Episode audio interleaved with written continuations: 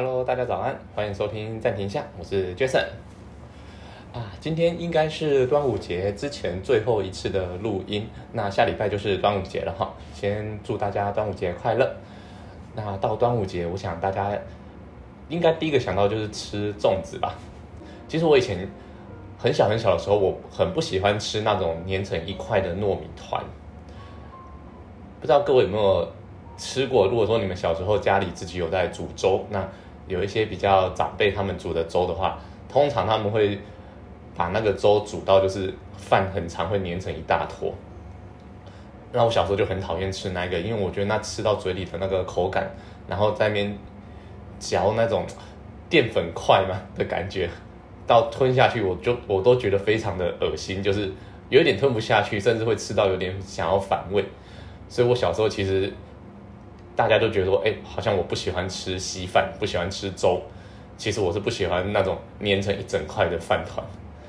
所以像包括粽子啊，像包括那种很黏很黏的饭团，或者是煮的很黏很黏的饭，其实我都不是很爱。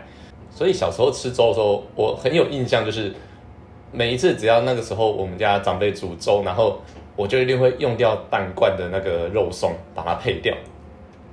那一样的。每次只要发现啊又要吃肉粽了，我就会加超级多的酱油膏，用味道把那个口感盖掉。是一直到长大以后吧，到长大以后，哎，才开始有有去享受那种口感，去享受那个味道带来的那个感觉，包括里面加了一个一些比较大的五花肉啊、花生或者是蛋黄，甚至是栗子，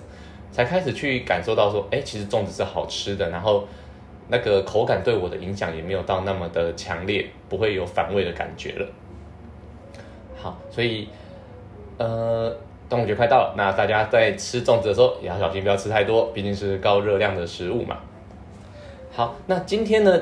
想跟大家聊聊什么？其实想跟大家聊一件很有趣的事情，就是我上个礼拜的时候。我跟个跟着朋友去了一场活动，那个是在我们的南纺的梦时代。很有趣的是，我在那边遇到了我以前读大学时候的学妹，不过她跟我差了很多届，因为我们后来对了一下学号，哎呀，我们竟然差了大概有六届之多，认识的人呃都不太起来。那因为我后来毕业了嘛，所以学在校生我认识的就没有几个，大部分都是有在继续打垒球的，我才会认识。所以，哎，对了一下，发现嗯对不上，就开始想啊，那我们来对师长，来对老师好了。嗯，老师这一块大家就蛮有共鸣的，就是我们聊了一下很多我们以前哎对某些老师啊，对某些课程的一些共同经验，蛮有趣的。那也很开心，就是可以在一些活动场合哎遇到以前自己的学弟妹，然后看到他们也可以靠着自己的一些手艺啊，靠着自己的一些创意，然后在市集啊，在自己的生活上去求得生存，去求得发展。那接着就是上周的周末，我去后里比赛，去打了一场呃慢速垒球的比赛。这一次去后里的比赛，就全部都是我们以前的学长学弟组成的一支队伍去参加的外部的社会的比社会球队的比赛。其实以前我们在我出社会的这大概十十一年来说，我每一年都会找个三到五次的比赛，那大部分是在台中。只是说后来我因为工作比较忙，所以就把这件事情就。托付给学弟，让学弟去帮忙找比赛。那他们一年其实也是会办个两到三次的比赛，让大家有机会可以去聚一聚。所以这一次去也看到了很多我们当时跟我同届的战友也好啊，或者是我呃年纪比我小的一些学弟，感觉又回到了好像我们在大学时候。其实我一直都很喜欢这样子的感觉，特别的纯粹，特别的开心。所以如果你也有这样子的一群好伙伴，有这样子可以让你废寝忘食的一个好的活动的话，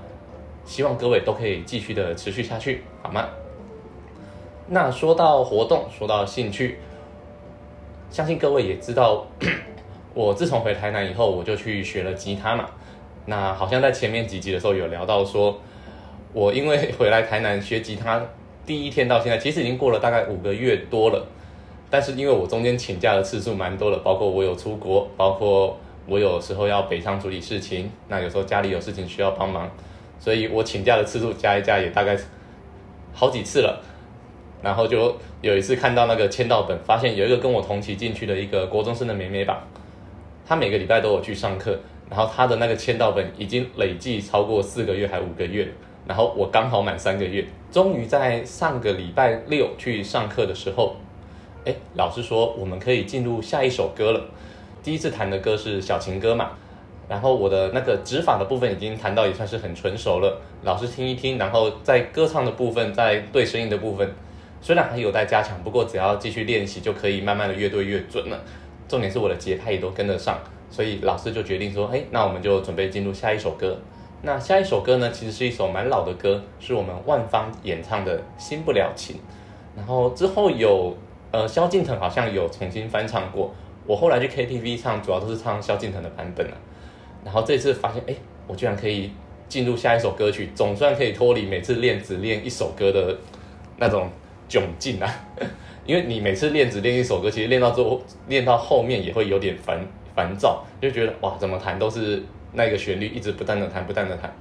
不过在心情烦闷的时候，其实弹着歌曲也很好，会有点感觉，把自己的心情融入音符，然后让音符去发散出来的那种感觉，之后自己的心情也会比较畅快一点。所以我真的很庆幸当时有去学习吉他这件事情。好，那就请各位期待我练习的成果。当我觉得我有认可自己弹出来的成果之后，我也会放上一些自己练习的片段什么的，来给各位一起欣赏一下。那接下来呢，是一篇我今天看到的文章，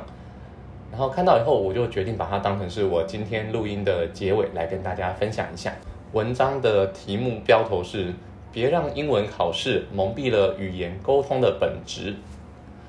这个很有意思哈。就是我们大家其实从以前，在我这一辈。大家大概都是从幼稚园，甚至从国小就开始学习英文了嘛，去上补习班。像我自己是小五、小六的时候就开始去上英文的补习班，然后一路从国中一路到高中，然后再到大学，就这样学了英文。假设从我国小开始算，哎，我接触英文也接触了二十年，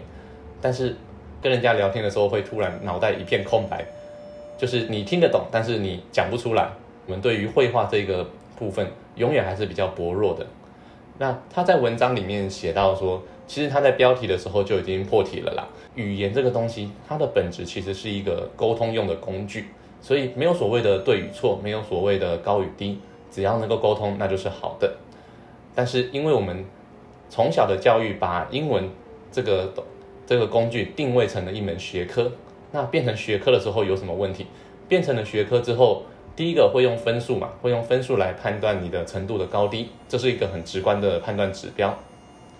然后再来呢，变成学科以后，各位有没有想过，以前我们学科的测验通常是纸笔测验嘛？那顶多再加上一个听力测验，但是最终还是我们要在纸笔上勾选出一个答案出来。那光是有答案这件事情，就把英文这个工具冠上了对与错的一个框架。因为我们是从这样子的教育出来的，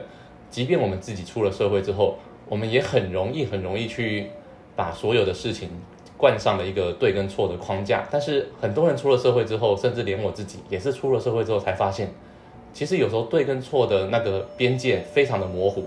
很多的事情你从正面看它好像是对的，但是你从背面、你从侧面去观察它，会发现，哎，这样子的决定好像不一定是对的。好像中间有那么一点点错，或者是有那么一点点可以调整的空间。英文我觉得也是，因为呃不瞒各位，我自己的英文从小到大我觉得都没有学好。因为你用学科的角度来看的话，我的分数坦白讲永远就是在及格的下缘，就是代表我没有及格。我印象很深刻的是，我当时高中考大学的时候，我们一开始考的是学测嘛，那学测不会跟你讲分数，学测会跟你说你的积分。然后再就是你，你的分数，你的积分所落在的那个区间，我们就会称为是均标、高标、顶标，或者是低标或底标。我自己的英文呢，在学车的时候是低标，就是我连均标都不到。假设均标是六十分的话，我大概就是落在四十分到六十分的这一个区间。之后呢，我去考了职考，就是我们七月份的指定考科，然后英文的分数出来，哇，更惨了，变成底标了。就是代表什么？我的英文在当时的所有的考生当中是后面的二十 percent 的人，然后一直到了大学，我的英文坦白讲一直没有起色，因为我记得我们当时大学毕业的一个条件就是我们必须要修满八个学分的英文。那如果说你英文修不过的话，你要去修别的语言，不论是日文啊、法文、西班牙语都可以，但是就是要凑满八个学分的语言学分。所以我后来呢是靠着日文的学分去补足了我的毕业条件。而我自己觉得我的英文真的有转换是什么时候？呃，第一个关键的时期应该是我在当兵的时候，因为我当兵的时候呢，我刚好运气不错，我被分配到了一个办公室里面的文的文职，所以我可以在里面有自己的空间。我当时就不知道去哪个书局买了一本英文单字的书，就是人家讲的三十天高效率背诵英文单字，四千还是五千单我忘记了，那算是我第一个。呃，蛮关键的转类点，我不敢说我五千个单字都背起来了，但是至少那五千个单字我看过了，脑袋里有印象。这对我之后我的第一份工作是在旅行社嘛，但当时做的是入客来台，所以大部分的资料、大部分的的那个讲解都是用中文，不太需要说真的去使用到英文。所以再来就是我的第二个关键时期，就是我换了第二份工作，就是我到第二间旅行社任职的时候。因为他们主要就是跟国外的业务有做配合，那大部分的业务也都是要把客人送出国，所以我们在联系的时候就要跟国外有书信的往来，那有时候甚至需要去做到打电话沟通的这件事情。而我就是在那个时候自己的英文突飞猛进啊，但是如果你让我去做一些学科测验的话，我相信我的成绩大概还是差强人意，但是在沟通，然后在使用单字的。适切性上面，我相信是比我以前的任何一个时期都要更好的。所以我的第一个时期当兵的时候，好险看过了五千个单字。那在第第二个时期的时候，有一些我没看过的单字，也可以透过网络上的工具去做查询。那要写书信的时候，也可以透过当时的一些翻译软体来做校正。那再来，我觉得自己蛮有转折的第三个时期，其实就是最近，因为我回来台南了嘛，那我相对多了比较多的时间可以。去运用，所以除了学吉他之外，其实我也在我的日常生活中加入了三个训练。